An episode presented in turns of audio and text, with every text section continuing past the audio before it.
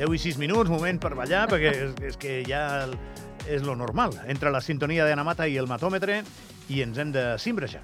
Com, com ho tenim, Anna? Què, què tenim per aquí? Doncs, com sempre, us portem tres temàtiques. Avui, però, sortim de Ràdio Nacional i ens n'anem a Ràdio Flashback, perquè al programa Backstage el Marc té una secció on parla de diferents temàtiques que tenen a veure amb la llengua. I avui us portem el capítol 7 de Les merdes del Marc Llibre, que és com es diu aquesta secció, on parla del nou vocabulari que podem sentir a dia d'avui.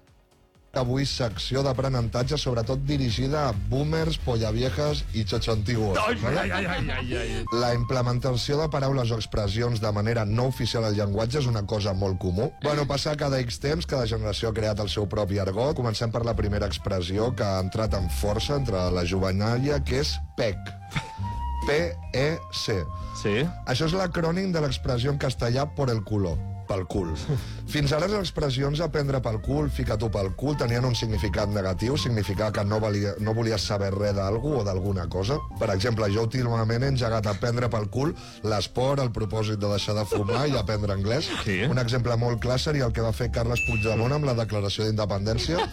La va declarar 7 segons i se la fotre pel cul, ell, nos, nosaltres i tots. Ara pel cul té significat positiu, s'utilitza com a sinònim d'algú que t'agrada molt, tant que ho consumiries eh, de cop. Per exemple, una sèrie que m'agrada molt, pel cul. Vale. Uns macarrons, pel cul. Molt- Flashback, pel cul.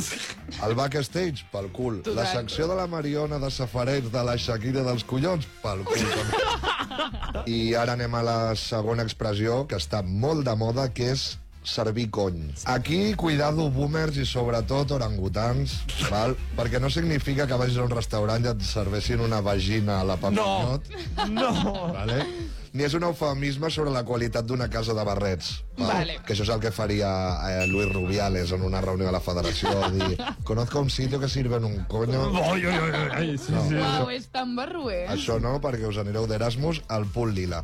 De fet, tot el contrari, és una expressió més aviat feminista que s'utilitza quan una dona fa un desplegament de les seves qualitats. Per exemple, Aita Aitana Bonmatí fa un Sí. partit de futbol de la hòstia Sí. que es diu que Aitana avui ha servit cony. D'acord. La Muixca fa un concertàs ben parit, es diu avui la Musca ha servit servir A més, és un concertat ben parit. Exacte. Que és Uh, que... tot, tot, tot. Tot, Hola, és que hola. rutlla perfecte. La meva àvia, quan fa croquetes, serveix cony. També serveix croquetes una mica, però, però bastant més cony. T'anava a dir, serveix les croquetes, sí. I jo què sé, si aneu a una barbacoa i algú ha d'encendre el foc, segurament vingui Rosa Peral i serveixi cony.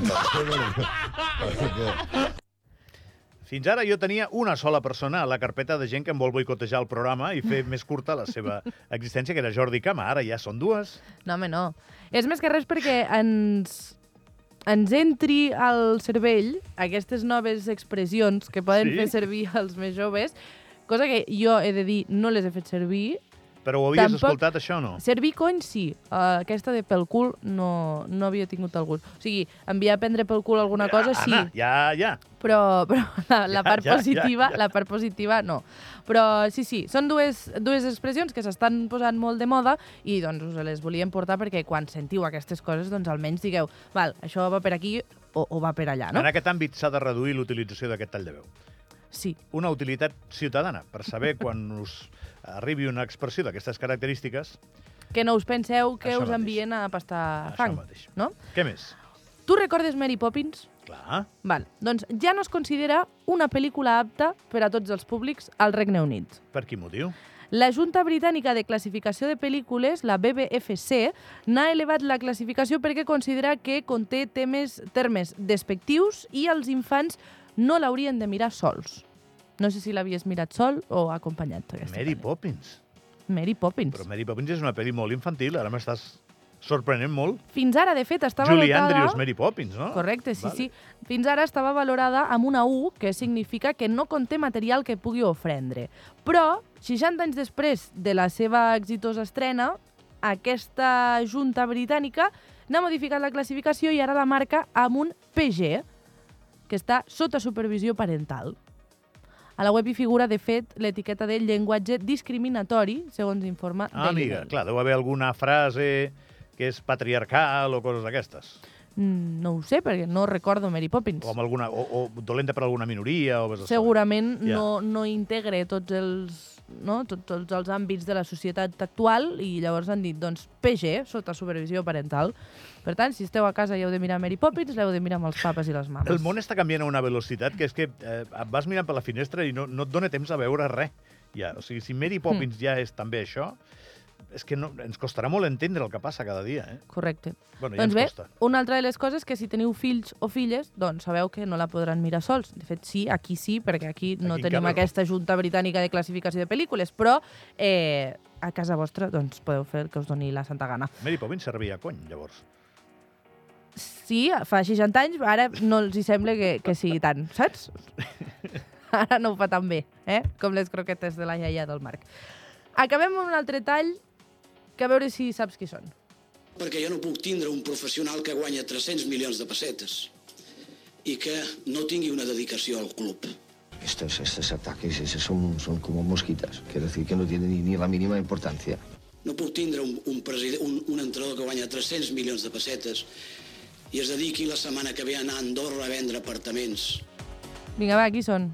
Home, és Josep Lluís Núñez i Johan Cruyff. Correcte. Sabem que no van tenir una molt bona relació d'amistat, podríem dir, en No. els moments que van compartir al, al Barça, però no van deixar de ser protagonistes principals dels millors Barces de la història.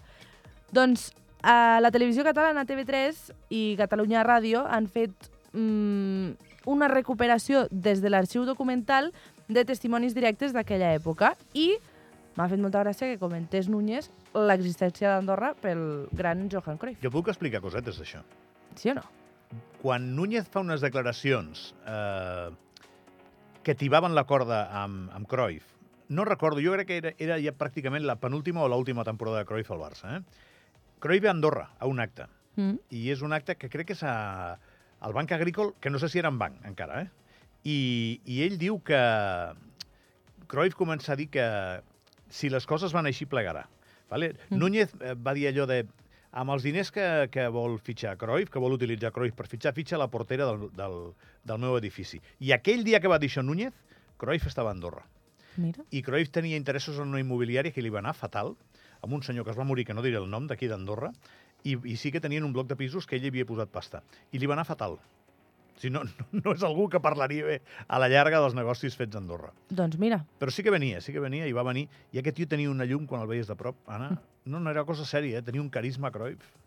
Jo al meu Twitter el tinc, la foto, és una entrevista a, Cruyff que em va fer molta Sí. il·lusió. ho sé, ho sé. Em, què més? Què més? I, Doncs- I això és un documental de TV3 que està Sí, penjat, que són correcte. quatre episodis. Efectivament, i que aquest és tenim- el primer. Pels que tenim la meva edat, doncs és apassionant. Mm. I crec que també han fet una entrega a Catalunya Ràdio. Sí, d'això. em sembla que ho fan de forma, de forma Simultània. conjunta, sí. Bueno, és un personatge, eh? Doncs si us interessa aquest, aquesta temàtica, també hi ha Ramon Besa, que va ser profe meu a la uni.